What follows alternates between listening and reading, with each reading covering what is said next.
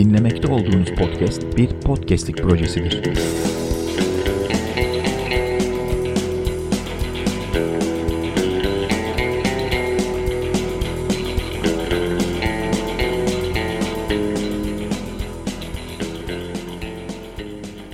Merhabalar, kaptanınız konuşuyor Erdem Tatar ile Seyir Defteri'nin yeni bölümüne hoş geldiniz.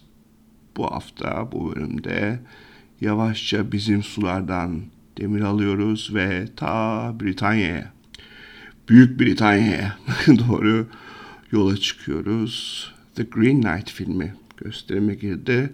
Ne mutlu ki ülkemizde de salon bulma şansına erişti ve seyirciyle buluştu. Bu yıl benim beklediğim ve en merak ettiğim filmlerden bir tanesi The Green Knight.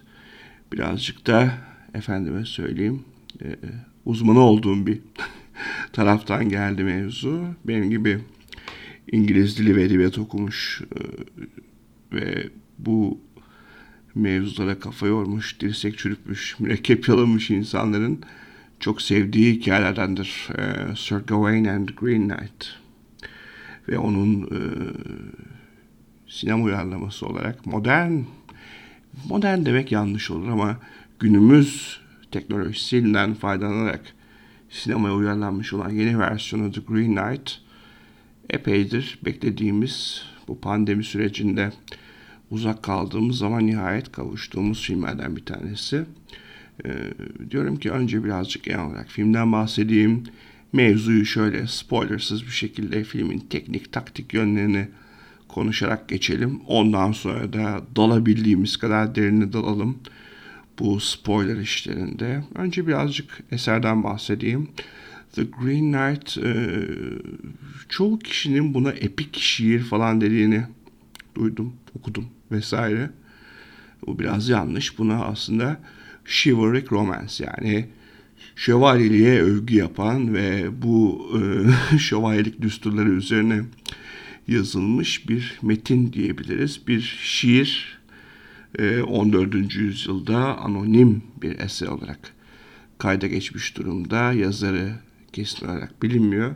Türlü farklı e, söylentiler vesaire var ama bunlar tabii ki e, yıllardır zaten akademik çevrelerde tartışılan söylentiler. Ama tabii yüzde yüz orijinal bir eser olmadığını da söyleyebilirim size. Bir Arthur hikayesi bu. Kral Arthur yuvarlak masa şövalyeleri hani kılıçtan aman kayadan çekilen kılıç Excalibur falan bunları az çok duymuşsunuzdur.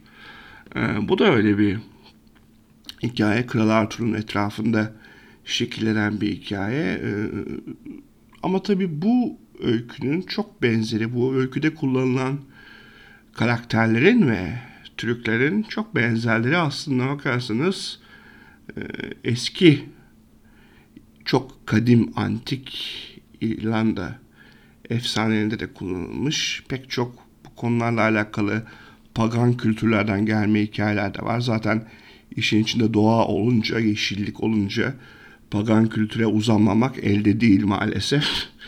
Ee, dediğim gibi çok e, orijinal bir hikaye olmasına rağmen bir Arthurian Legend, bir Arthur efsanesi olarak kayıt altına alındığı için çok bilinen, çok okunan, e, bizde de özellikle de yani tüm dünyada ama bizde özellikle e, bu edebiyat fakültelerinde kulağa, eli, kolu fazlasıyla çekilen eserlerden bir tanesi.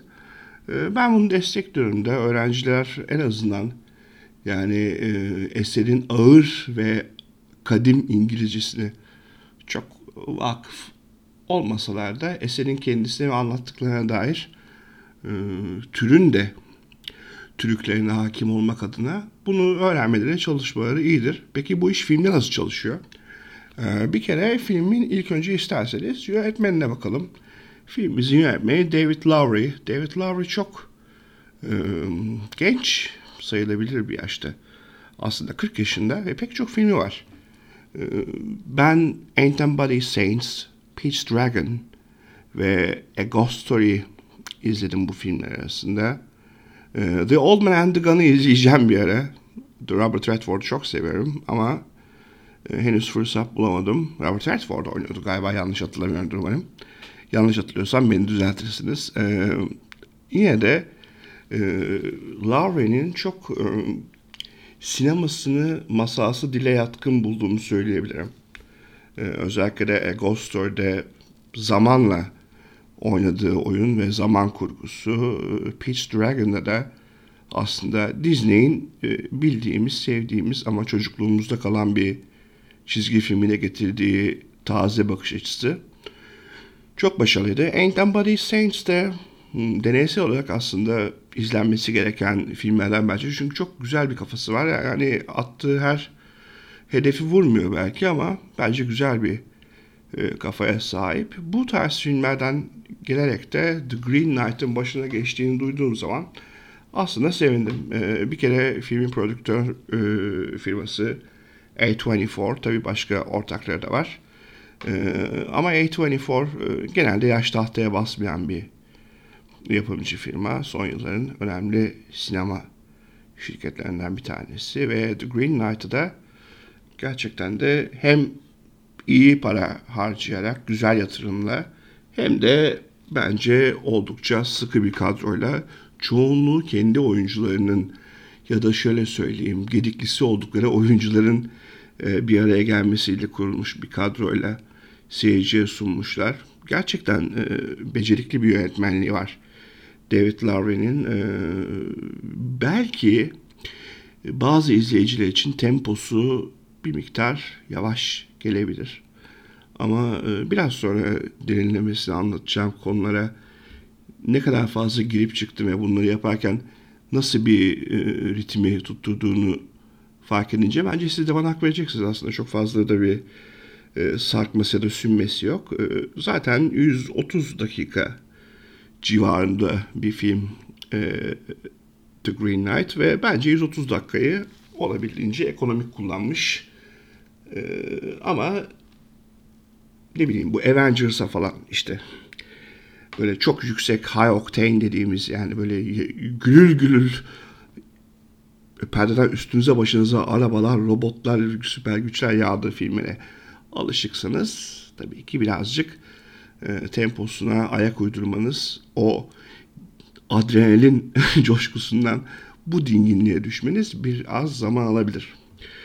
Yine de ben bütün sinema severlere tavsiye ediyorum. Çünkü özellikle de yönetmenliği, hikayesi çok serbest bir uyarlama olmasına rağmen aslında ana fikrini elinde hiç bırakmadan tutmayı başarması, çok başarılı oyunculukları, birkaç görsel efektli sahnede yakalanan beceri, tabii ki bu da Veta Workshop'un çok e, büyük katkısı var. Veta Workshop dünyanın en büyük e, efekt, özel efekt e, firmalarından bir tanesi.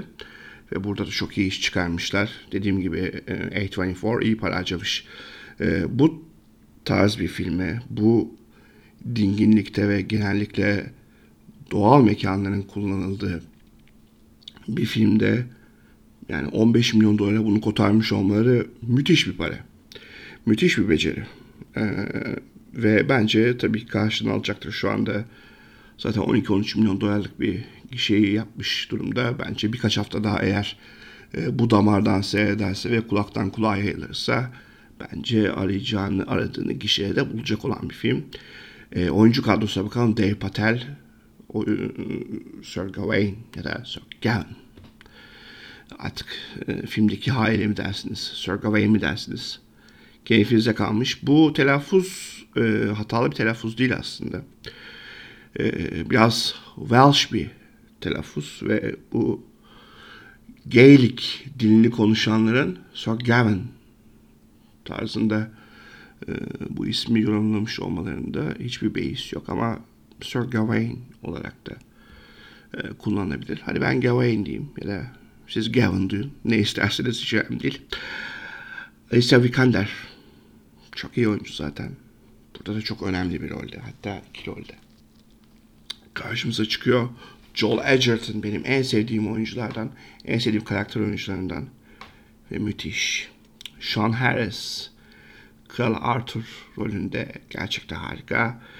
Ve filmin gizli kahramanı diyebileceğim Ralph Ineson. Kendisi belki The Witch filminin o çekirdek ailenin babası rolüyle hatırlayabilirsiniz. E, burada Green Knight oynuyor. E, çok fazla prostetik e, makyajın altında bile muazzam muazzam zaten inanılmaz bir ses tonu var ve bir anda kilitliyor insanı. Hatta ses tonundan bahsetmişken birazcık filmin e, ses tasarımından bahsedelim. Filmin ses tasarımı gerçekten de yani her çıtırtıyı, her ufacık bir e, taş yuvarlanmasını bile duyacağınız kadar net ve berrak bir ses kurgusuna sahip. Yani sanırım e, yani şöyle bir kabaca düşünüyorum ama e, Dunkirk'ten beri söz kurgusunu bu kadar iyi kullanıldığı bir film izlememiştim. E, kesinlikle hani sadece görsel bir sanat değildir, işitsel de bir sanattır ya sinema. Kesinlikle sizi avucuna alıyor. Yani ormanda at yavaş yavaş ilerlerken o nallarının altında ezilen böyle her yaprağın çıtırtısını duyuyorsunuz neredeyse. E, ve filmdeki atmosferin yaratılmasında çok çok önemli bir e, role sahip ses tasarımı filmdeki. Tabii e, Andrew Jones Palermo e, filmin görüntü yönetmeni. E, çok e, ismi çok duyulmuş bir e, görüntü yönetmeni olmasına rağmen e, izlediğim pek çok projede kendisinin çok iyi işler çıkardığına şahit oldum.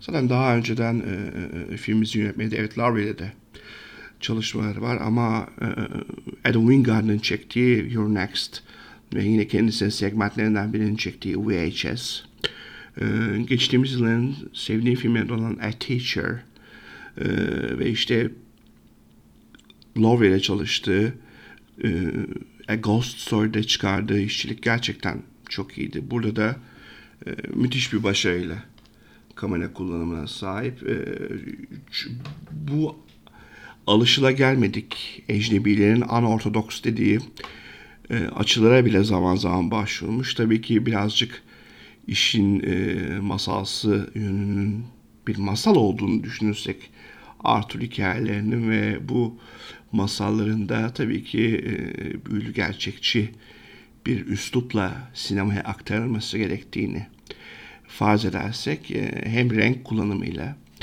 hem de kamera kullanımıyla bunu çok iyi becerdiğini söyleyebilirim. Tabii e, yönetmenin feyz aldığı üç film saymam gerekiyor. E, görsel ve kurgusal anlatımda. Filmin anlatısı aslında çocuk filmi olarak e, algılanabilecek ama e, önemli klasikler olarak e, sinema tarihinde yer etmiş. Dark Crystal ve özellikle David Lowery'nin çok ama çok sevdiğini her fırsatta dile getirdiği Willow'dan gerçekten e, çok e, ilham almışlar. Ve bir diğer ilham aldıkları filmde The Passion of Joan of Arc.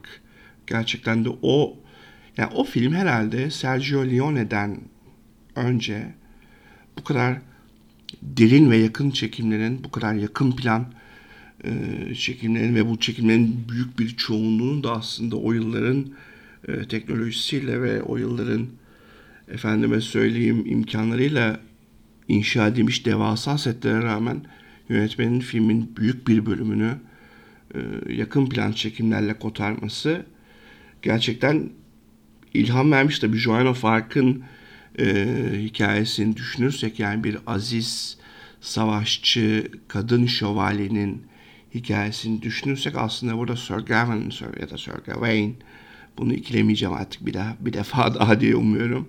Ee, onun hikayesine olan paralelliklerini düşünürsek sadece ruhani ve hissi değil teknik olarak da o filmin üzerinden önemli feyizler alınmış olduğunu görmek e, çarpıcıydı. Çok büyük setler var e, ve bu setlerdeki karakterlere çok yakın çekimlerle neredeyse burun tüylerini göreceğiniz kadar yakın çekimlerle e, önemli hissiyat, önemli anlar ve önemli jest ve mimiklerin direkt olarak yakalandığını söyleyebilirim. Bu açıdan çok başarılı ve feyz aldığı filmin gerçekten de hakkını verecek şekilde bir performans ortaya koymuş. Hem görüntü yönetmeni hem yönetmen ikisini tebrik etmek lazım. Tabi Palermo'nun e, önemli bir becerisi de renk kullanımı. Filmin renk skalası e, tabii ki Green Knight e, ismi filmin ama e, yeşili gerçekten de öyle yerlerde sonsuz e, tonuyla kullanıp öyle yerlerde tam zıttı tonlara dönüşüyor ki ve bunları gerçekten de seyirciye çok hissettirmeden ve kimi zaman anın içerisinde kaybolarak yapıyor ve ortaya gerçekten de hani her sahnesini durdurup alın wallpaper yapın diyeceğimiz e, önemli görseller ortaya çıkıyor.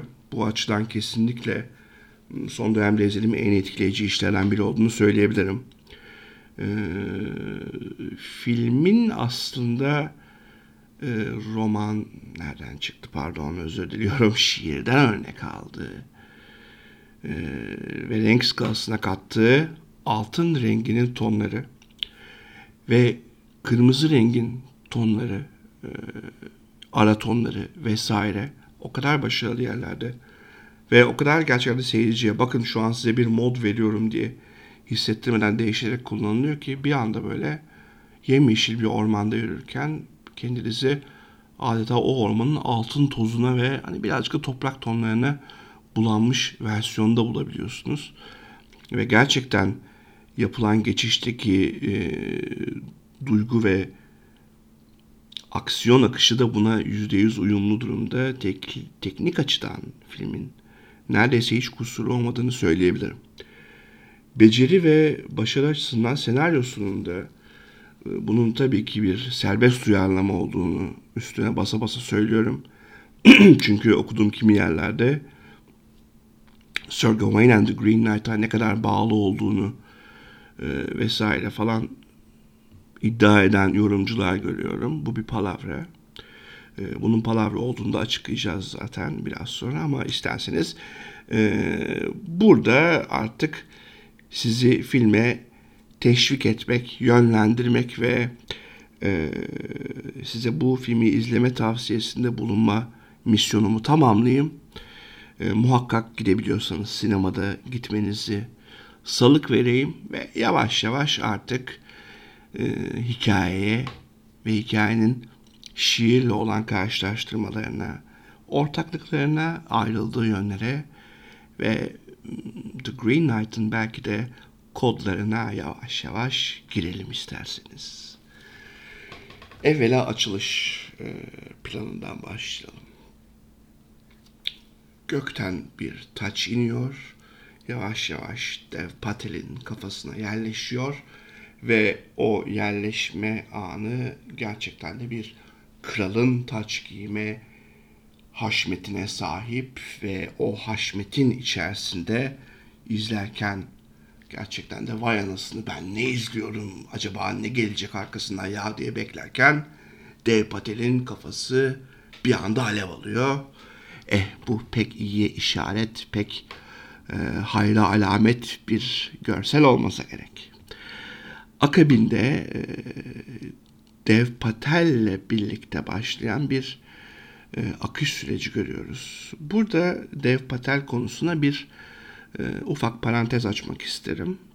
E, çok yadırgamıştım Dev Patel'in oyuncu seçimini. Çok beğendiğim ve çok yetenekli bulduğum bir oyuncu. Ancak böyle bir Arthurian hikayede insan belki de alışıla geldiği üzere bir beyaz oyuncu işte sarışın vesaire daha Anglo-Sakson tipte bir oyuncu görmeyi bekliyor. Ee, ve bence Dave Patel'in bu rolde seçilmiş olması seyirciyle daha film başlamadan yapılmış bir kontrat bence. Yani diyor ki burada böyle bir işte efendime söyleyeyim beyaz atlı prens hikayesi falan yok. Bakın bu çocuğun ten, ten rengi değişik, tipi farklı.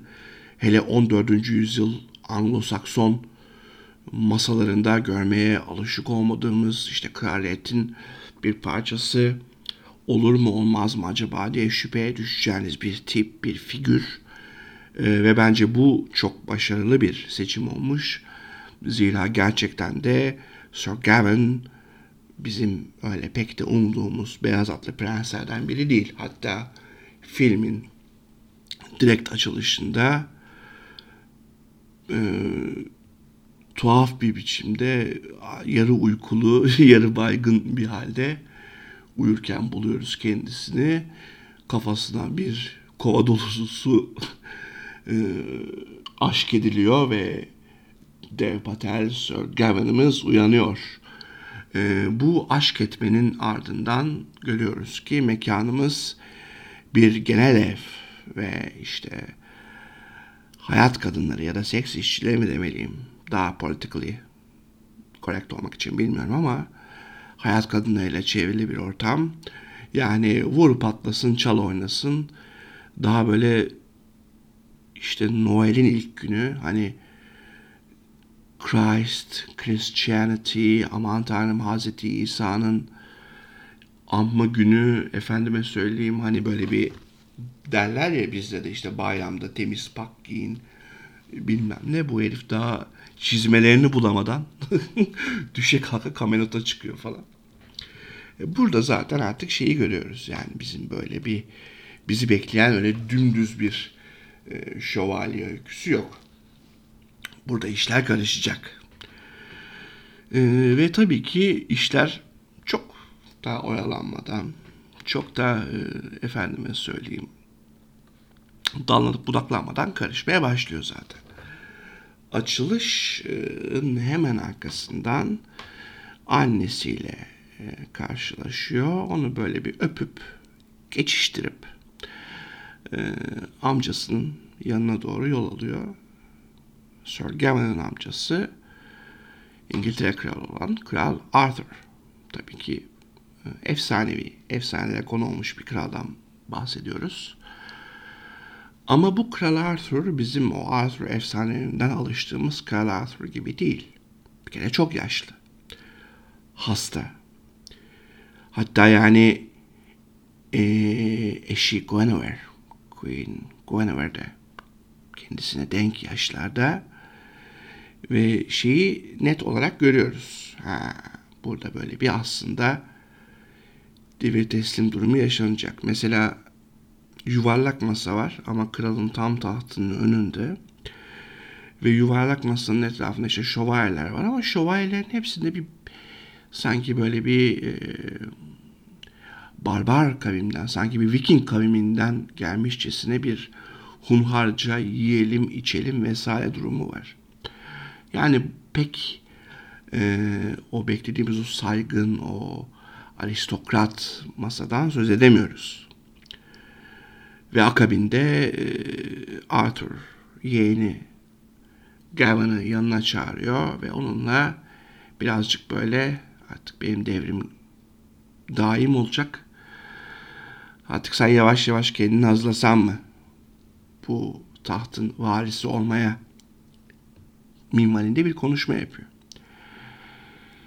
Ee, bu arada Queen Guinevere'i biraz dikkatli takip ederseniz bu konuşmanın esnasında buna çok gönüllü olmadığını görüyorsunuz. Zaten e, Morgan Le Fay yani e, Sir Gawain'in validesi efendime söyleyeyim bu mevzuda çok kilit bir noktada duruyor ve Queen Guinevere'in Morgan Le Fay ile çok iyi anlaşmadığı aşikar.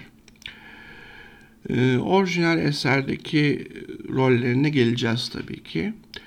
Ama işte Arthur sanki her şey planlanmış, ayarlanmış gibi şöyle bir hikaye olsa da dinlesek minvalinden aslında hikayenin fitilini ateşliyor. E, tam bu sırada işte herkes Noel gününün coşkusuyla ama barbarca yiyip içip beğenirken gümbür diye kapılar açılıyor ve içeri bir elinde işte kokinalar. Noel çiçekli kokina mıydı? Ona benzeyen. Ama daha iri dallısı. Willow deniyor da Türkçesi Tuhaf bir isim var Türkçesi. Neyse. Siz Kokina deyin. Çünkü aslında Noel çiçekleri. Bir elinde Noel çiçekleri, bir elinde baltayla böyle insana insana benzemeyen böyle atı da küheylanların küheylanı bir atla tak tuk tak tuk e, kamelottan içeri girip e, yuvarlak masanın ortasına çöreklenen bir yeşil e, efendim söyleyeyim şövalye. Tabi bu yeşil şövalyenin girişinden önce biz ufak bir ritüel görüyoruz. E, Noel kutlamalarına katılmayan Morgan Le Fay ve yanındaki birkaç küçük kız e, böyle pagan ritüellerini anımsatan bir ritüelle aslında bir nevi e, Yeşil Şövalye'yi saraya davet ediyor. Yani bu kadim ve neydi belirsiz e, lanetli olduğu söylenen şövalye bir anda e, durup dururken gelmiyor yani sarayın ortasına bir e, ezoterik davet durumu söz konusu. Tabii bu davetin e, planlayıcısı olan Morgan Le e, motivasyonu çok net belli değil filmde. Finale geldiğimiz zaman e, o esas eserdeki motivasyonu anlatacağım size. Ve e, aslına bakarsanız tuhaf bir biçimde orijinal eserin tam zıttı olarak e, Green Knight içinizde benle düello yapacak, karşıma geçecek bir delikanlı var mı dediği zaman aslında normal eserde Arthur çat diye ortaya atılıyor. Ama burada Arthur ya kardeş benim sayılı günüm kalmış. Hani askerde şey deyimi vardır. Ya bu şafaktan sonra ben mi gideyim? Haklı bir yerde çünkü artık öyle yazacak neredeyse kendisi ve e, bu noktada birinin öne çıkması lazım. Ama e, diğer şövalyeler kılıçlarını çekmiş olsalar da bir tık yok. E, Sir Gawain da daha yeni yoklanmış, imtihana çekilmiş amcası tarafından. Hadi oğlum toparla kendine gel, bu serkeş hayatı bırak. Şövalyelik mövalyelik bunlar mühim şeyler. Gazını almış, e, basıyor atlıyor ortaya. Ve o kadar toy ve şey bir durumda ki hazırlıksız ki ortaya atıyor, atılıyor ama abi bana biriniz bir kılıç verin diye kalıyor sonra. Ee, aslında burada gerçekten de bir knight, bir şövalye olmaya gerçekten de ehil olmadığını hani bu ana kadar çok görüyoruz ama bu an tasdikliyor. Bu arada kesin kaçıranlar olmuştur. Tam e, ortaya atılacakken masanın üzerinden atlıyor davet masasının. Ve tam atılırken masadaki şarabı döküyor. Şimdi şarap Hristiyanlıkta İsa'nın kanını temsil eder. İşte kominyonlarda e, efendime söyleyeyim dini ritüellerde falan şarap ikram edilir. Bunu biliyorsunuzdur. Yani kendiniz Hristiyan olmasanız da filmlerde görmüşsünüzdür falan. Yani İsa'nın kanının döküldüğü bir sacrifice'ın e, efendime söyleyeyim kazara bile olsa adımının atıldığını görüyoruz. E, ve tuhaf bir biçimde dımdızlak kalıyor Sir Kevin. E, kimse kılıç mılıç bilmem ne falan derken bir anda Arthur o önemli Excalibur kılıcını yeğenine emaneten uzatıyor. E, bu arada tabii Green Knight aslında bunun bir Noel oyunu e, olduğunu beyan ederek diyor ki bana istediğin darbeyi vurabilirsin. Fakat e, bundan bir yıl sonra ben de aynı darbeyi sana vuracağım. Ve bunun karşılığında ödül olarak baltamı da alabilirsin diyor. E, hatta bununla da kalmıyor. Dizlerinin üstüne çöküyor, başını öne eğiyor ve kurbanlık bir koyun gibi kendisine vurulacak darbeyi bekliyor. Aslında bu gerçekten de bir oyun. Ee, şöyle bir imtihan diyelim daha doğrusu. Çünkü başta yapılan o sözlü akitte bahsettiği şey aslında gel benim kafamı kopar hemmiş o değil. Orada aslında diyor ki bana istediğin darbeyi vurabilirsin. Tek şart ve aynı darbeyi ben de sana vuracağım. Yani git adamın yüzüne bir çizik at. Ne bileyim kolunu kanat, bacağına sapla. Kafasını ne koparıyorsun? Ama işte burada ortaya çıkan şey Sir Gawain'ın toyluğu, Sir Gawain'ın e, nasıl söyleyebilirim size kendisini ispatlamak uğruna bütün melekelerini yitirdiği o boşluk anını kusursuz temsil ediyor. Ee, ve kelleyi alıyor. Tabii Green Knight kalkıyor ayağa. Başını da alıyor kaldırıyor. Bu arada biraz dikkat ederseniz şunu göreceksiniz. Ee, kendi kesik başını ne e, Gawain'a ne de Arthur'a doğru tam olarak Queen Guinevere'e doğru tutuyor.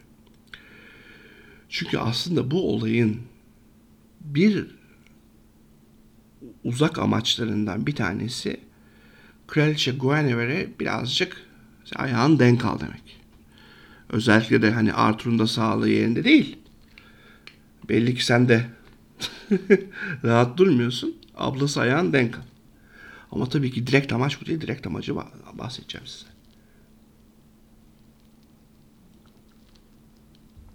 Velhasıl ee,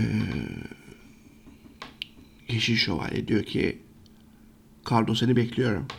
Seneye bu ara benim Green Chapel'e gel. Orada düellomuzu yapacağız. Aslında düello bile değil. Burada yapılan, bana yapılan aynısını ben sana uygulayacağım. Diyor ve gidiyor. Hatta kahkahalar atarak falan gidiyor böyle. Burada bir çizik ya da bir minik parantez açalım. Çünkü burada aslında bu chivalry, bu şövalyeliğin e, birazcık Hristiyanlıkla, birazcık değil aslında direkt olarak Hristiyanlıkla e, kahramanın bitmeyen yolculuğu ve sürekli e, bulması gereken ya da işte fethetmesi gereken bir görevi olmasıyla alakalı bir durum var. İşte buna kimileri e, kutsal kasenin peşine düşme kompleksi de diyor. Diyebiliriz. Hani Holy Grail aslında yoktur ama bir mit olarak olduğu için onun peşine onu bulmak için e, milyonlar düşmüştür, düşecektir. İşte Indiana Jones bile düştü. e, yani şövalyenin derdi bitmez kardeşim. E, diyebiliriz bu konuyla alakalı. Direkt olarak dini çok motif var. Çok biblical referans var. İncil referansı. Bunların hepsinden tabii ki bahsedeceğiz. Zaten bir e, sunum ve kurbanlık hadisesinin ödeşmesi için bir şapele, bir ufak kiliseye davet edilmesi bile aslında işlerin e, hep e, dini motiflerle ölülü olacağını da bir e, tabii ki saptama yapıyor. Velhasıl efendime söyleyeyim bizim Gawain'imiz bu bir yılı e, farklı etkinliklerle geçiriyor işte. Kadın, kız, e, efendime söyleyeyim tavernalarda vur patlasın, çal oynasın, küfür, kafir, dayak, serserilik, serkeşlik, sarhoşluk ne ararsanız var. Bu arada tabii yani bu olay kendi içerisinde, kendi zaman e, düzleminde de bir mitolojiye dönüşüyor ve Sir Gawain'ın hikayesi kulaktan kulağa anlatılır oluyor. Zaten karşılaştığı karakterlerle de e, aa dur ya sen o Sir Gawain mısın? Muhabbetleri çok dönüyor. E, ve günü geliyor artık yola çıkılacak. Yollar aşınmakla bitmez. Hafiften hafiften Sir Gawain'ı hazırlıyorlar işte. Anası okunmuş kemer takıyor. Yanına mübarek baltayı alıyor. Efendime söyleyeyim ve yavaştan yola koyulmaya başlıyor artık. Bir sene geçmiş ve Noel zamanı yaklaştığı için. Tabii bu yola çıkış aslında Arthur'u çok memnun ediyor. Çünkü yani sonuçta orada ortaya konan bir iddia vardı. O iddia gerçekleşti. Ve şimdi o iddianın geri ödemesi var. Ve serkeş, serseri yeğeni bundan kaçınmaktansa helal olsun delikanlı adammışsın. Kendini yola vuruyor herifle yüzleşmek için. İşte Yeşil Şapel'e, Green Chapel'a gidecek. Yeşil Kilise. Ee, bu arada annesi normalde orijin eserde e, farklı bir noktada sirayet edecek olan bir hamleyi burada annesi Morgan Le Fay yapıyor ve Green Girdle yani yeşil kuşağı oğlunun beline bağlıyor. Diyor ki bu seni her türlü itlikten, serserilikten koruyacak. İçine pagan ürünleri yazıyor falan filan. Tabi bunlar hep aslında alt metin olarak anti-Christian hareketler. Yani Hristiyanlık üzerine kurulmuş işte efendime söyleyeyim bunun sonrasında Templar şövalyelerine uzanacak e, düzenler kurulacakken bunlar böyle pagan pagan üfürüklü müfürüklü okunmuş kemerle falan yola çıkıyorlar.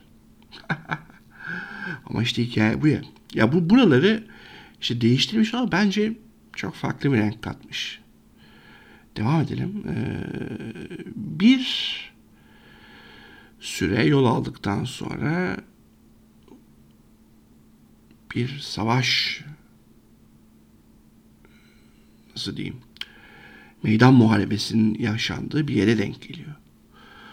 İşte her tarafta ölüler, mölüler bilmem ne. Ve orada bir çocuk, bir velet. Ee, o da ölülerin eşyalarını falan araklayacak bilmem ne. Sir Gawain'la konuşmaya başlıyorlar. Tabii Sir Gawain hakikaten Sir gibi böyle yani. Atı çok besili, zırhlı mırhlı bir at. Efendime söyleyeyim kendisi güzel giyinmiş, şık şıkıdım. Saçlar taralı. Bunu güzel de bir ee, nasıl diyeyim bir elden geçiyorlar, yıkıyorlar, temizliyorlar falan filan. Böyle şık şıkıdım Yeşil Şapel'e doğru gidiyor. Bursa Yeşil Cami'ye doğru gidiyor. Neyse sululuğu bırakayım. Ee, ve e, burada çocuklarla ne bir münasebet geçiyor. Çocuk diyor ki e, dayıcım bak şuradan gideceksin. Orada dere var. Dere boyundan yardıracaksın. Bulursun şapeli diyor falan. Ve e, Sir Gawain da eyvallah koçum deyip devam ediyor. Çocuk diyor ki dayıoğlu o kadar yardımcı olduk ya bir yok mu bize bir bahşiş mahşiş. Bu da böyle atının eğerinde duran sikkelerden sikkeye geçtik. Al sadece sikke sikke harca. Ondan sonra atıyor buna parayı. Basıyor devam ediyor. Normalde e, orijinal eserde olmayan bir bölüm bu bölüm. Velhasıl işte yol alırken ormanda atta iniyor. Atın da canı var. Hayvan dinlenmek istiyor falan filan derken bunun bir güzel önünü kesiyorlar. Deminki e, oğlan ve iki yardakçısı. Hepsi çocuk bunların bu arada. Ve bacak kadar çocuklar Sir Gawain'ın ağzına sıçıyorlar. Hatta neredeyse öldürüyorlar. Ee, ve kalkanını da ikiye kırıyorlar falan. Baltasını alıyorlar elinden. Belinden o kuşağı alıyorlar falan filan. Bu böyle hakikaten e, tabiri caizse sik gibi kalıyor orada ortasında. Hatta kalkanı ikiye kırıyorlar ve kalkanın üzerinde bir beş noktalı bir yıldız. işte bizim pentagram olarak da bildiğimiz beş köşeli yıldız var. Bunun anlamı aslında imanın yani şövalyelik imanının beş şartına denk geliyor bunlar. Ee, bu beş köşeli yıldız onu temsil ediyor. Bir temsil ettiği şey daha var. İsa'nın çarmıha gerilirken vücudunda açılan beş yara. Ee, bunları temsil ediyor. Yani temsil ediyor inanıyor diyeyim. Hadi böyle göklerden gelen bir kararmış gibi söylemeyeyim bunu ama buna inanılıyor. Ee, bize okulda okurken bunlar söylendi işte bunlar biblical referenslar vesaire vesaire. İnanırsa inanmazsın. Bu beş e, imanın beş şartını sayacağım biraz sonra. E, daha doğrusu sonuna doğru sayayım da bütün hikayeyi de özet geçerek e, toparlayarak e, o beş şartın nasıl tarumar edildiğini anlatayım size. E, bir şekilde çocuklar atım atı her şeyi alıp basıp kaçıyorlar. Ve Sir Gavin bu çok ilginç bir sahne burası. Kamera bir neredeyse 360 derecelik bir pan yapıyor. Ve panın sonunda aslında bir ağacın altında elleri ayakları bağlanmış bir şekilde e, son olarak gördüğümüz Gavin'in ölüsünü görüyoruz. Bu bir kırılma anı. Yani hikaye belki de orada bitti. Sir Gavin gerçekten öldü ve bundan sonra izleyeceğimiz her şey aslında bir ölünün rüyası mı desek. Efendime söyleyeyim. Ne olursa olsun acaba keşke orada ölseydi de daha fazla devam etmeseydi mi desek. E, bunu farklı şekillerde okuyabiliriz. Ama velhasıl e, Sir Gavin bir şekilde e, kendine geliyor ve aslında ölmemişmiş ya da aslında öldü. İşte bunlar e, interpretation'a yani farklı okumalara, farklı tahminlere açık konular. E, ve zaten hikaye bu noktaya kadar Green Knight'ın kendisi ve pagan ritüelini saymazsak çok e, adım adım ve dünyevi bir şekilde ilerlerken e, bu noktada sonra artık işler birazcık masalsı kıvama geliyor. Velhasıl Sir Gavin elini ayağını çözüyor bilmem ne düşüyor yollara. E, tabii e, artık gece çöküyor bir yere sığınması lazım ve gerçekten de ufacık bir e, kulübeden bozma diyeyim bir bina buluyor. Ve bu binada uyuyakalıyor için, içindeki yatakta ve bir noktada Winifred adlı bir hanım kız tarafından uyandırılıyor. Ve Winifred e, çok önemli bir karakter. E, ve bugün hala karşılığı olan bir e, özel durumu var. Winifred bir azize, bir Welsh, Galler kökenli bir olması lazım. Yanlış hatırlıyorsam. Yani en, en, en kötü ayrıştırma ben Welsh olduğunu hatırlıyorum. Siz çok merak ediyorsanız Google'larsanız bir zahmet. Ee, Azize Winifred aslında çok e, yaşadığı dönemde e, efendime söyleyeyim kendisi dini adamış, Tanrı yolunu adamış ama güzeller güzeli bir hanımefendi. Ve kendisiyle evlenmek isteyen bir şövalye var. Soylu bir ailenin oğlu. İşte Winifred'i sürekli baskı altında tutmaya çalışıyor. Evleneceğiz biz. Aman işte e, bir saçmalık yapma. Çünkü Winifred'in aslında aklında bir manastıra kapanıp bir rahibe olmak var. Ve o yıllarda manastıra kapanıp rahibe olan bir kadına dokunamıyorsunuz. Ne kadar güçlü olursanız olun. Dokunamıyorsunuzdan kastım erkek olarak vesaire vesaire. Ama tabii bu şövalye genç hemen köpürüyor ediyor falan ve Winifred'in kafasını kesiyor. E, ve Winifred'in kafatasının düştüğü yerde bu yani gövdesine ayrılıp düştüğü yerde bir su kaynağı meydana çıkıyor. E, ve bu su kaynağı bugün hala İngiltere'de dünyanın farklı yerlerinden gelen, sadece İngiltere'den değil, ziyaretçiler tarafından e, mübarek sayılıyor ve şifalı olduğu düşünülüyor. Hatta e, eğer YouTube'da videosu falan da var biraz bakarsanız ben birkaç araştırma yapayım diye baktım.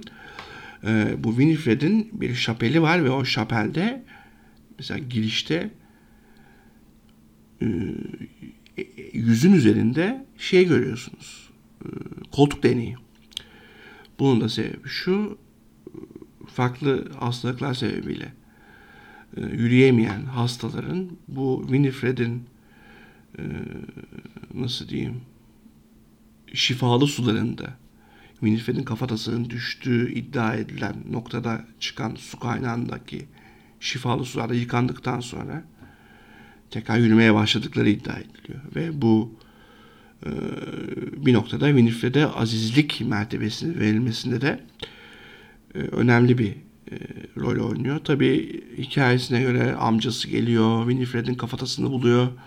İşte kafatasını yerine koyunca Winifred dililiyor falan filan bilmem ne böyle şeyleri var. Ama yani esas mevzu Winifred'in kafasının tık kesilmiş olması. E, Green Knight hikayesinde de kesilen kafa bol. İşte Green Knight'ın kafası kesilmişti. Aha sırada Winifred var. E, ve Winifred Gavin'i uyandırıyor. Diyor ki benim başım kesildi ben öldürüldüm. Hatta beni sen mi öldürdün diye soruyor ilk önce. Gavin tuhaf yani tuhaf buluyor bunu. Yok hayır ne alaka falan. E, ve diyor ki bak şu suyun dibinde kafatasın var lütfen ne olur getir. Ve burada çok kilit bir cümle var. Bir cümle ama yeterli. Gavin diyor ki ben ne alacağım diyor karşılığında. Ha. Şimdi. Şövalyeliğin bir şartı daha gitti. Anlatacağım merak etmeyin. Ve öyle böyle yarı gönüllü yarı gönüllüsüz atlıyor suyun içine. Kafatasını alıyor. Kafatasını alırken de suyun içinde bir epifani diyemem de bir tuhaf katarsis de değil kesinlikle. Tuhaf bir aydınlanma, bir uyanış yaşıyor. Nihayetinde kafatasını alıyor, sudan çıkıyor ve kafatasını sahibiyle buluşturuyor. Sabah bir uyanıyor hatta kafatası Winifred'in iskeletinin geri kalanıyla birlikte yatakta yatıyor. Ve Sir Gavin da karşısında çocuklar tarafından çalınmış olan baltasını görüyor. Ee, balta, at ve e, okunmuş kemer kayıplarından bir tanesi Sir Gawain'ın kendi mahareti sayesinde kendisine geri verilmiş oluyor. Daha sonra bu Exchange of Gifts'e geri döneceğiz. Ee, bu, bu da bir temadır yani şivarik e, romanslerde. Velhasıl Sir Gawain yola koyuluyor. İşte dere tepe düz gidiyor falan filan ve bir tilkiyle karşılaşıyor. Tilkiyi önce bir kovalamaya çalışıyor falan. Sonra bakıyor ki uysal hayvan. Yani ona bir zarar vermeyecek. Yardırıyor. Tilkiler ve uyuyarak kalkıyorlar. Bir şeyler yiyorlar falan filan. Ve bir mantar öbeği buluyor. Tabii karınlar aç. Mantarı ağzı bir atıyor. Hop magic mushroom. Tık tık tık tık tık. Kafalar Matizeviç oluyor bir anda. Bir anda ellerinin yosuna dönüşmeye başladığını görüyor. Şimdi aa, otur bu anı yorumla, yorum, yorumlayabildiğin kadar. Aslında yavaş yavaş bir Green Knight'a mı dönüşüyor kendisi? Yoksa efendime söyleyeyim ölüyor da toprak mı oluyor? Yoksa efendime söyleyeyim doğaya karşı bir artık doğayla uyumlan kardeşim doğaya karşı geldiğin yetti mesajı mı var? Ya da gerçekten kafası mı iyi? Herhangi bir şey olabilir. İstediğinizi okuyun, istediğinizi alın. Ama bu önemli bir an filmin içerisinde. Çok kısa bir süre sonra kurt nereden çıktı? Aa, tilkiyle birlikte yola koyuldular. Ve sevimli tilkiyle dev dev dev analarının gezindiği bir vadiye çıkıyorlar. Aklıma son God of War oyunu geldi ya. Bunda alakasız. Onun finalleri böyle bir durum vardı. Neyse. Ee, gördüğüm kadarıyla devlerin tamamı kadındı, çıplaktılar ve yeşil renkteydiler. Tabi devler e, bir noktada edebiyatta anomali, anormal durumları tasvir ederlerken bir noktada da işte Gaia falan gibi doğa ananın e, elçileri olarak görülürler. Özellikle de böyle yeşil renkli falan filanlarsa. Ve devlerle iletişim kurmaya çalışıyor Sir Gavin. Başarılı olamıyor. O anda tilki uluyarak devlerin dikkatini çekiyor.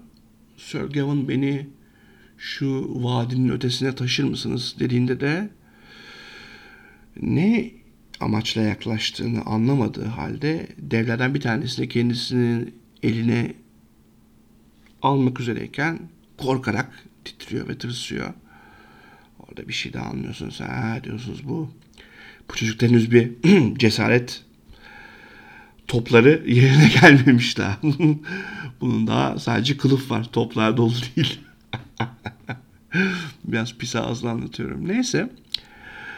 Ve e, bir noktada artık yolculuklarının neredeyse son noktasına yakın bir noktaya geliyorlar. Devasa bir konak tarzı bir yer ve bu konağın içinde artık tam kapısından içeri girip bayıldıkları anda konağın sahibi bunları karşılıyor. Ee, ve konağın sahibi aslında bu filmde isim vermiyorlar konağın sahibine. Ee, çünkü aslında bu isimsiz bırakma, bu kimliksiz bırakma kafasını da sevdim ben. Çünkü hani olayımız farklı karakterlerin etkisi, etkinliği ya da rolleri falan değil. Konu, konumuz tamamıyla Sir hmm, bir şövalyelik mertebesine uygun olup olmadığını test edilmesi. Yani her şey aslında hani kutsal inançların tamamı da vardır ya bu dünya yaşadığımız dünya bir imtihan dünyası. Ee, onların da imtihanı bu şekilde bir olağanüstü görev ve o olağanüstü görevin ifası sürecinde gösterilen kahramanlıklar. Tabi işte bu lordumuz efendime söyleyeyim e, bizim çocukları alıyor işte elini çocuklar dediğim de Sir Gawain'la tilki ama tilki kayboluyor sonra bir ara. Zaten nereye kaybolduğunu da öğreniyoruz sonra. Neyse Sir Gawain'ı alıyor içeri e, giydiriyor, paklıyor bilmem ne. Ve diyor ki dayı oğlu kalk gel kahvaltı et. Ulan biz de tam da zamanında geldin. E, bir hafta sonra gelsen yoktuk diyor. E, velhasıl Sir Gawain kahvaltı masasına geliyor ve aman tanrım ne görsün.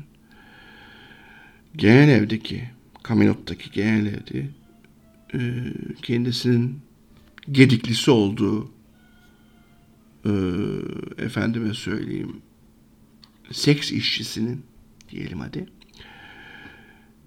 tıpatıp aynısı bir lady.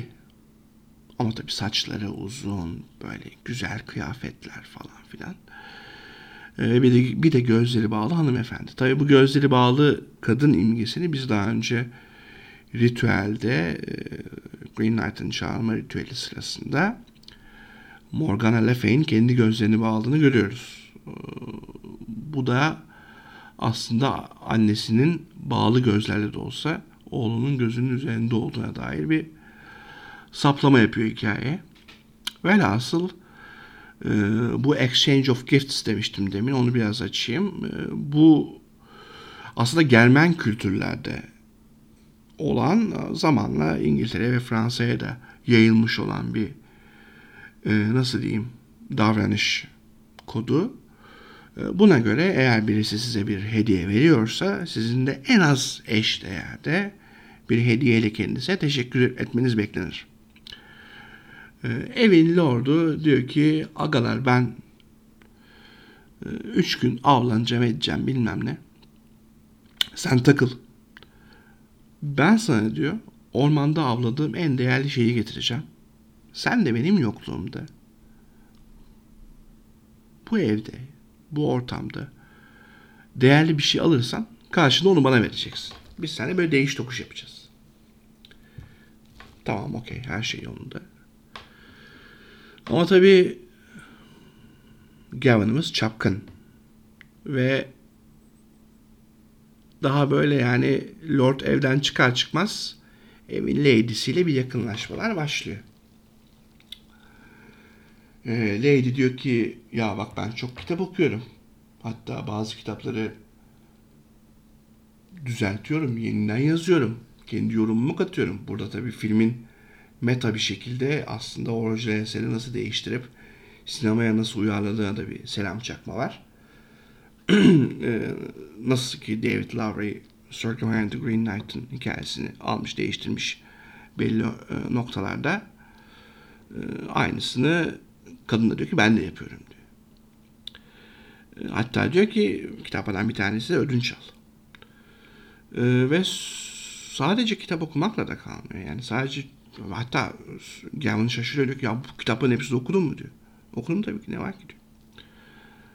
İşte hatta bazılarını kopyaladım bazılarını sonra işte finallerini değiştirdim bir şey yaptım falan filan. Ee, akabinde diyor ki ya ben senin portreni yapayım mı? Gavin de diyor ki ya benim Camelot'tan ayrılmadan önce portremi yaptılar. Yok diyor bu başka portre. İyi tamam bilmem ne. Ee, ve bir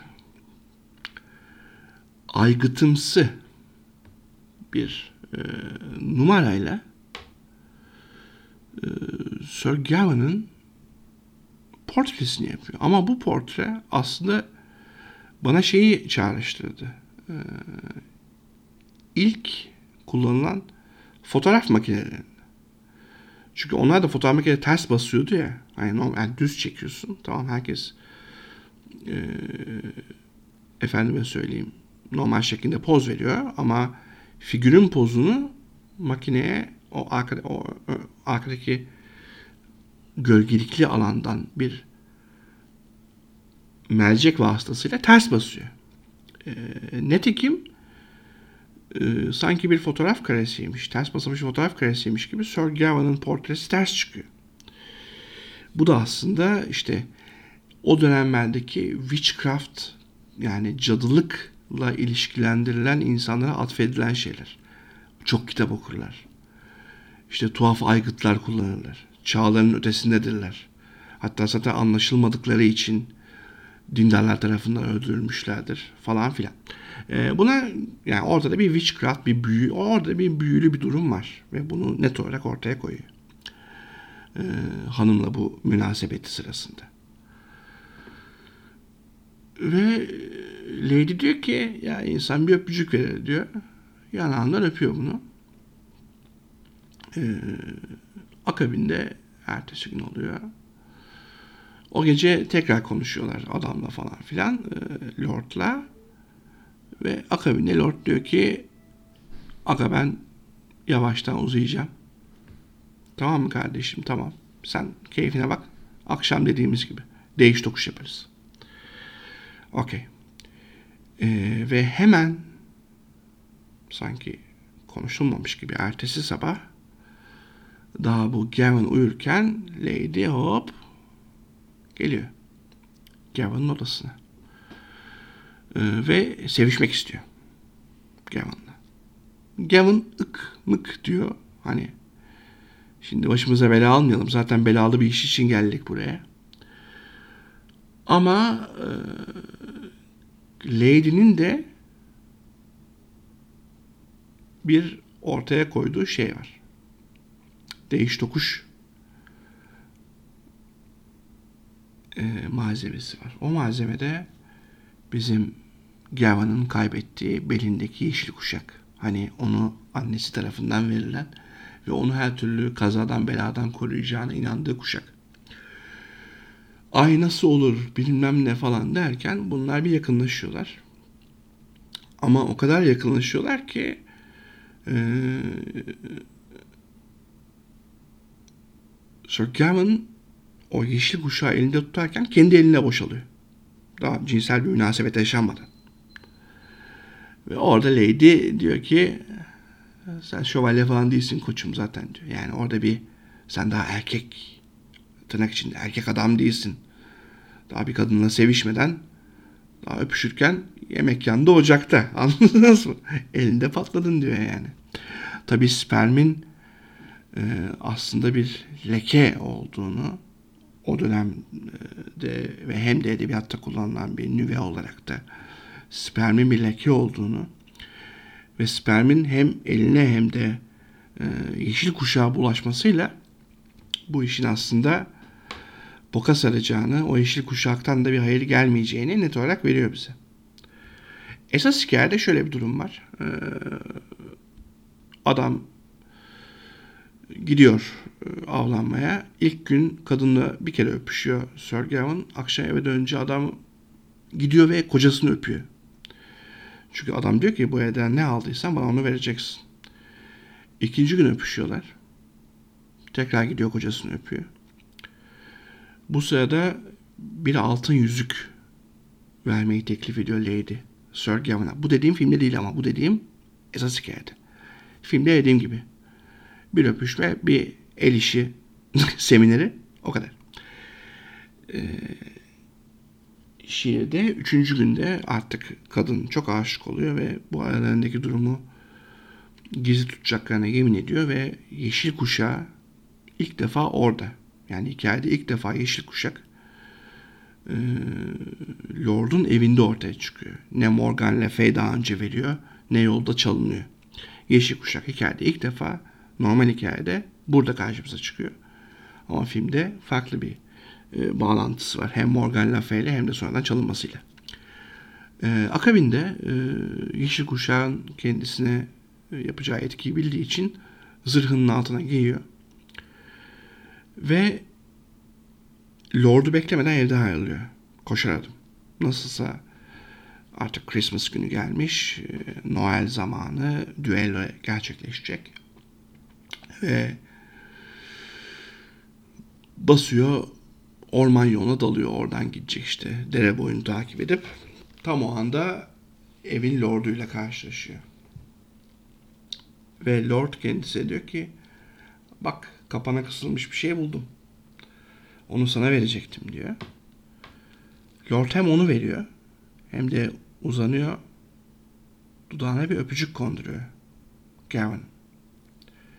Halbuki karısını öpmüş olduğu için aslında Gavin'ın Lord'u öpmesi lazım. E, burada artık e, İncil referanslarının zirvesine çıkıyoruz. Çünkü bu öpücük doğası gereği kazanılmadığı, ödenmediği ve e, zaferlerin takasında kullanılmadığı için aslında şu anlama geliyor. Bu öpücük aslında Yahuda'nın yani Judas'ın Jesus'a kondurduğu öpücük gibi. Bilmeyen için söyleyeyim. Judas Jesus'ın 12 havarisinden biri ve Jesus'ın yakalanmasında e, çok net bir önem var bu öpücüğün. Çünkü diyorlar ki ben eğer e, Judas öyle anlaşıyor. E, İsa karşıtlarıyla. Ben gideceğim İsa'yı öpeceğim. Ve onun İsa olduğunu böylece siz anlayacaksınız ve yakalayacaksınız. Çünkü İsa'nın kimliği bilinmiyor. Marangoz bir adam. Yani Judas İsa'yı bir öpücükle satıyor. Buna tersten bir gönderme Godfather 2 filminde vardır. Abi kardeşin öpüştüğü sahne Küba'da. Ee, yani bu öpücük mevzusu içerisinde mutlaka bir ihanet barındırır. Sadece bir ihanet de barındırmaz. Aynı zamanda kutsal bir görevlinin hayatına son vermeyi barındırır. Yani o kadar fazla ve direkt bir İncil referansı ki burada hikayenin orijininde böyle bir şey yokken David Lowry'nin bunu çat diye buraya koymuş olması müthiş, muazzam. Olağanüstü yani.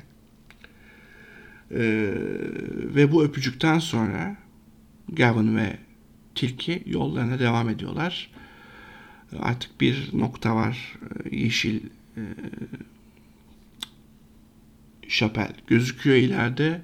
Bir te, kano gibi bir şeye binip gidecek ve karşılaşacak. Ama burada yine çok olağanüstü bir durum oluyor ve tilki bu sefer gitmiyor oraya. Bak o, bu yolun dönüşü yok. Ee, diyerek aslında ha, nasıl olacak bu işler? Bir anda uyanıyoruz. Bu tilki mevzusu aslında tilki doğası gereği kurnazlık. Bir ajanda sahibi olan e, varlık olarak e, edebiyatta ya da diğer anlatılarda karşımıza çıkar. Aslında questing beast'tir. Questing beast'in anlamı az çok dediğim gibi yani bir ajandası olan, bir görevi olan ve o görevi ifa etmek için hikayeye dahil olan yaratık anlamına gelir. Ve burada aslında belki de bir e, son engel olarak görüyoruz Gavin'in karşısında. e, tilkiyi hatta tilkiyi elindeki o baltayla kovalıyor falan filan.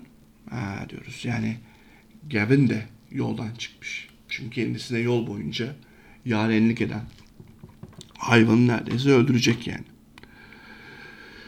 Ama işte e, öldürmüyor. Bu arada e, hikayeyle paralel olan, orijinal hikayeyle, şiirle paralel olan bir durum daha var. E, Gavin Emin Hanım'ından aldığı o yeşil kuşağı kesinlikle ve kesinlikle e, şeye söylemiyor. Lord'a öpüştükleri zaman. Bu hikayede de aynen böyle. Öpücükleri veriyor. Lord'a hani karını öptüm mesajını verir gibi. Ama kesinlikle ve kesinlikle şeyi söylemiyor. Yeşil kuşağı aldığını. Çünkü yeşil kuşağı gerçekten bel bağlamış durumda. Hele bir seferde kaybettiği için yolda ve kaybettiği kutsal emanetler birer birer dönmeye başladığı için net ve kesin olarak diyor ki Aa, agası bu işte bir şey var. Okey. Geliyoruz e, Green Knight'ın huzuruna. Green Knight tabi gidiyor. Kral duruyor orada. Kök salmış. Hatta yani neredeyse bu dürterek uyandırıyor falan. Aa diyor ki ne oldu ya Christmas oldu mu? Ve bu noktada e, güzel bir kırılma anı yaşıyoruz. Orijinal hikayede de bu olay birazcık benzer e, cereyan tamamen farklı sonuçlar oluyor. Önce kendi filmimizden bahsedelim. Sonra hikayeye geri döneriz. E, filmimizde e, Gawain boynunu eğiyor idamı için ama Green Knight tam baltayı indirirken bir tırsıyor falan. Ulan diyor ne tırstın ya. Sonra bir defa daha indirmeye çalışırken tekrar böyle bir geriliyor falan. Aman abi dur falan filan diyor böyle. Ve sonra bir e, bilinç akışı yaşamaya başlıyor. Bu bilinç akışı sırasında e, oradan kaçıyor bulunduğu yeşil kiliseden Camelot'a geri dönüyor. Ben görevimi ifa ettim amcacım diye yalan söylüyor. Amcası buna güveniyor ve krallığı ona emanet ederek ölüyor. Tahta geçiyor. Tahta geçtikten sonra kendisini lady'si yapmasını isteyen o takıntılı olduğu seks işçisiyle ilişkisi devam ediyor. Fakat görüyoruz ki bu ilişki sırasında bile o kadar obsesif olmuş ki belinden o yeşil kuşağı çıkarmıyor. Çünkü o yeşil kuşağı e, hayatının teminatı olduğuna o derece inanıyor o noktada. Üzerinde hiçbir şey yok. Sadece yeşil kuşak varken sevişiyor falan. Ve bir oğlu oluyor. Ama tabii ki o hayat kadınını lady yapmıyor. Oğlanı alıyorlar. Kadına 3-5 kuruş para verip yallah edip gönderiyor. Ama sonra yıllar geçiyor ve Sir Gawain artık Kral Gavin e, oğlunu bir meydan muharebesi sırasında kaybediyor. Tıpkı o kutsal emanetleri yani baltasını, e, kemerini ve atını nasıl kaybettiyse aynen böyle kaybediyor. Ha bu arada e, Green Knight'ın yanından kaçarken firar ederken atıyla da karşılaşıyor. Atını da alıyor. Böylece üç emaneti de sahiplenmiş bir şekilde geri dönüyor. Neyse geri kazanmış bir şekilde. E, velhasıl e, oğlunun kaybından sonra artık halkı tarafından da istenmeyen bir kral olarak ilan ediliyor. Ve kendi son gününü görüyor. Artık tahta ama kalesi işgal edilmiş, yıkılmak üzere. Hatta artık kalenin kapıları açılıyor bir planda. Sonrasında ne olduğunu görmüyoruz. Ama işte karısı, çocukları, efendim hatta annesi Morgan Le Fay bile yanında ayrılıyor ve koca taht odasına tek başına kalıyor. O anda zırhının içerisindeki, üstündeki bir noktadan parmağını içeri sokuyor ve sanki bağırsaklarını dışarı çıkartırmış gibi o yeşil kuşağı söküp çıkartıyor ve çıkarttığı anda da kafası kendi kendine kopuyor ve yere düşüyor. Bu arada dikkatli gözlerden kaçmayacaktır o sığındığı Lord ve Lady'nin evinde çekilmiş fotoğraf gibi çekilmiş olan, icra edilmiş olan o genç, yakışıklı halinin portresi de tam arkasında, tahtın arkasında asılı olarak kalıyor. Ve belki de kendi nihai sonunu çıplak gözlerle izliyor. Ne dersiniz olabilir mi? Belki de olabilir. Ve e, bu noktada artık hikayemiz bitti zannederken Sir Gawain gözlerini açıyor. Aa, hiçbir şey olmamış. Ve Gawain gözlerini açıyor.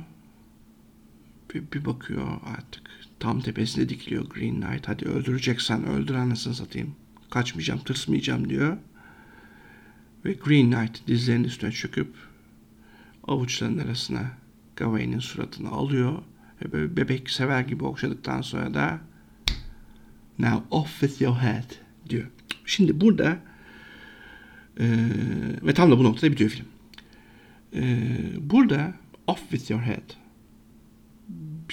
bizdeki çevirmen hadi al başını git. Hani başını sana bağışladım der gibi.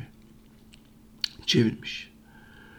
Ama aslında off with your head vurun kellesini anlamına gelir. Aslında keşke bence iki çeviriyi de koysaymışlar. Ve bu sayede bu finalin bilinmezliği ve yorumu seyirciye kalsaymış. Çünkü aslında David Lowery orijinal dilinde bunu yapıyor. Now off with your head diyor Green Knight ve film bitiyor. Kafasını mı kesti yoksa başını mı ona bağışladı? Muamma. Ve bu bilinmezlik ve muamma bence e, filmin e, güzel bir numarası olarak hafızada kalıyor.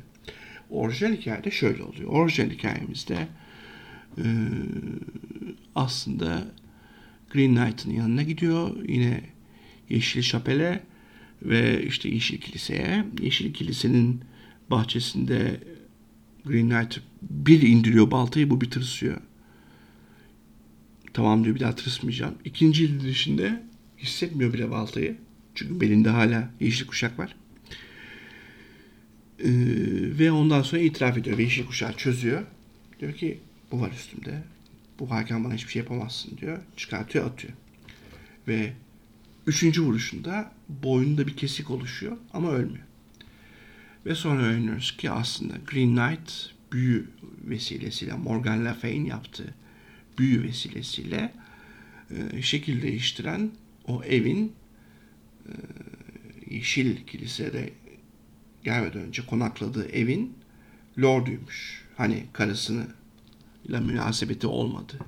ya da oldu. Filme bakarsan öyle. Ee, burada aslında şeyi veriyor. Diyor ki ulan diyor öpücük söyledin. Keşke yeşil kuşağı da söyleseydin. Söylemediğin için bak boynundaki bu iz ömrün boyunca kalacak. Ee, Gawain yıkılıyor. Ya da Gavin yıkılıyor. Ah ben e, ne karaktersizlik yaptım, bunu sana söylemedim falan diye. Orada da Green Knight bunu teselli ediyor aslında. Diyor ki bak diyor bu şivarlik muhabbetlere çok takılma. Hani hiç kimse kusursuz değil. Sen en azından dürüsttün. Bak burada da dürüstlüğünü geç de olsa gösterdin. Bence bu alemdeki en suçsuz şövalye sensin. Buna emin olabilirsin diyor. Ee, ve tabii ki o yeşil kuşağı boyundan da fışkıran kanın üzerine bulaştı. Yeşil kuşağı koluna sarıyor Sir Gawain ve saraya geri dönüyor Camelot'a. Ve Camelot da başından geçenleri anlatıyor. Aslında diyor ki ben e, hiçbir e, şerefe ve şana layık değilim. Ama bunu tam tersi olarak e, bir şeref nişanesi olarak görüyor e, Arthur ve diğer şövalyeler. Ve hepsi birden kollarına yeşil bir bant bağlıyorlar. Ve bunu bir şövalyenin asla sarsılmaması gereken dürüstlük simgesi olarak ilelebet taşıyorlar. Hikaye bak gördüğünüz gibi iki hikaye birbirinden bu kadar farklı, bu kadar farklı yoruma açık ve birbirinden e, ilginç noktalara varıyor. Filmdeki o finaldeki o soru işaretini ben sevdim. Yani filmlerdeki soru işaretli bitişler eğer böyle iyi başarılı kotarılmışsa benim için okeydir. Ee, yüzde yüz bir tabii ki e, metne bağlılık da aramadım. Çünkü anlatmaya çalıştığı şeyler aslında birbirinden çok uzak, çok galaksilerce farklı şeyler değil. Sadece anlatma yöntemleri farklı. Birazcık ıı, şeylere bakalım isterseniz. Gönderme. Hani bayılıyor ya herkes. Gönderme var abi. gönderme. Bu tabii yeşil rengin kullanımına dair filmde de çok net bir e, diyalog var. Yani e, Lord'un hanımı aslında yeşil rengin sadece doğayı değil ölümü, çürümeyi vesaire de e, işaret ettiğini söylüyor, simgelediğini söylüyor. Zaten doğa kendisinden insan tarafından alınan şeyi mutlaka geri, geri gelip alacak diyor. Tıpkı bizim hikayenin başındaki gibi yemyeşil, tamamen sanki ağaçtan yapılmış gibi görünen bir e, şövalyenin insan tarafından boy kafasının kesilip akabinde bir sene sonra o şövalyenin gelip insanın kafasını kesmeye niyetlenmesi gibi.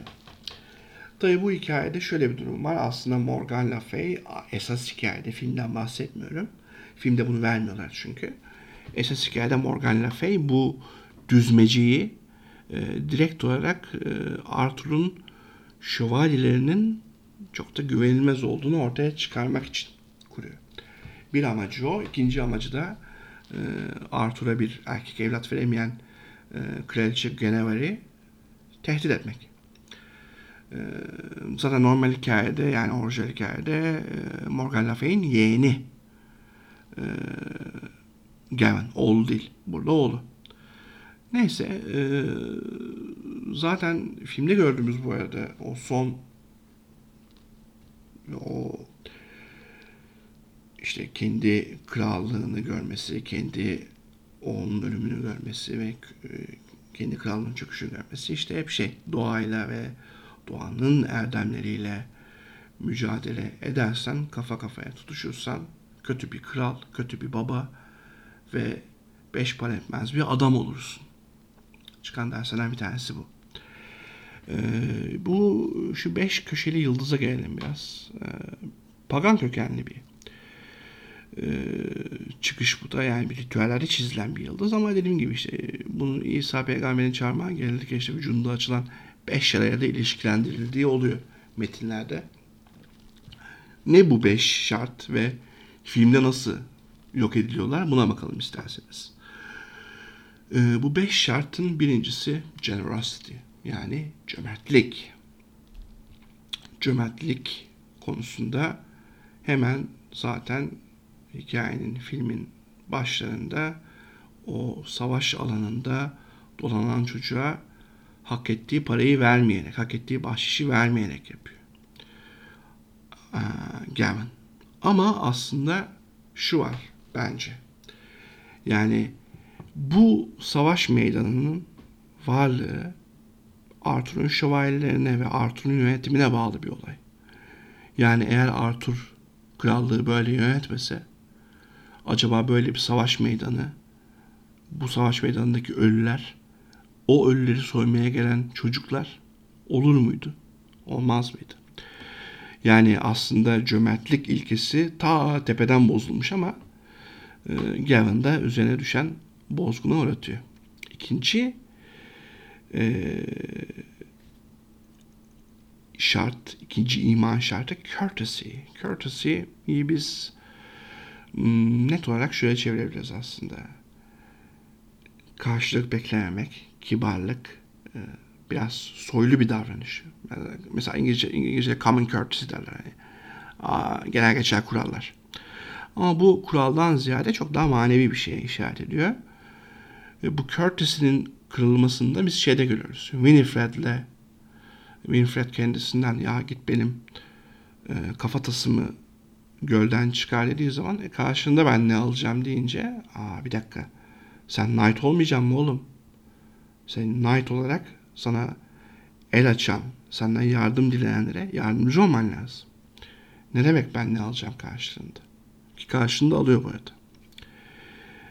Ee, chastity üçüncü maddemiz. Chastity kısacası buna eline beline hakim ol yoksa öcüler yer diyebiliriz. Ee, burada e, evdeki lady ile yakınlaşması ve e, boşalması Lady'nin ilhamıyla boşaldığı için cinsel birleşme gerçekleşmese bile sonuçta boşalma boşalmadır kardeşim. Ee, ve bu chastity de böyle bozuluyor, bükülüyor. E, fellowship yani dostluk, arkadaşlık dördüncü erdem maddesi. Fellowship. Ee, ve dostluk ve arkadaşlık burada aslında Lord'la olan aralarındaki o anlaşmanın bozulması. Yani evden aldıklarını Lord'a vermiyor. Lord'dan aldıklarının karşılığına da hiçbir şey yapmıyor. Ama Lord tabii ki her şeyi farkında olduğu için o lanetli öpücüğü, o Judas kiss dediğimiz şeyi bizimkinin gelmenin dudaklara konduruyor. E son olarak da piety.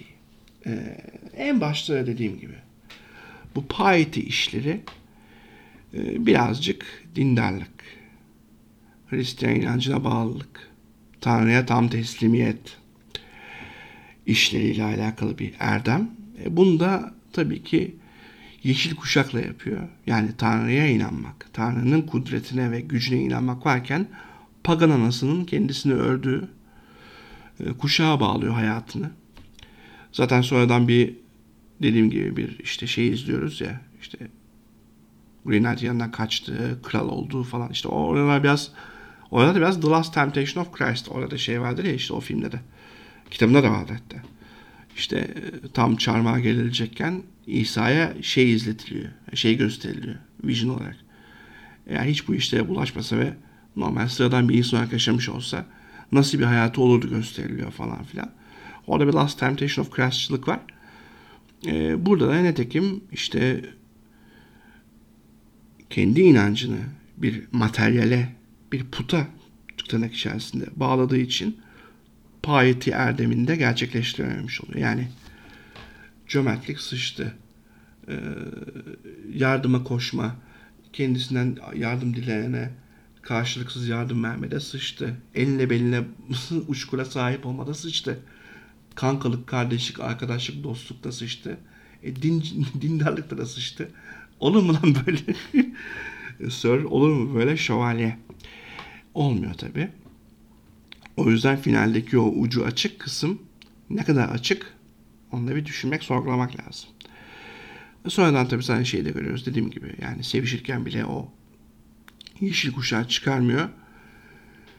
Ve o yeşil kuşağı çıkarana kadar da işte kaderiyle, gerçeğiyle ve aslında doğayla olan e, husumeti hiç bitmiyor. Ne zaman ki yeşil kuşak çıkıyor ondan sonra artık kafası mı gider yoksa kafası yeni mi gelir oraları bilemem. Ama bence çok eğlenceli, çok güzel ve harika bir film izledik ve bu filmin ıncığına, cıncığına kadar her şeyini yorumladık. Eğer hala muhabbeti buraya kadar dinlediyseniz teşekkürler. Ee, bir başka filmde daha gündelik, daha keyifli ve daha sıradan bir sohbette görüşmek üzere ama The Green Knight'ı da bulmuşken yani benim de yani alanımken böyle altından girip üstünden çıkmamak olmazdı. O yüzden kaptanınızı mazur göreceksiniz. Bu yolculuk biraz uzun sürdü. Hadi buradan demir alalım ve bir sonraki limana kadar kendinize iyi bakarak, iyi davranarak, aman virüslerden virüslerden kaçınarak harika ve filmli ve dizili ve sinemalı eğlenceli günler geçirmeye bakın. Sevgiler, saygılar ve de öpücükler.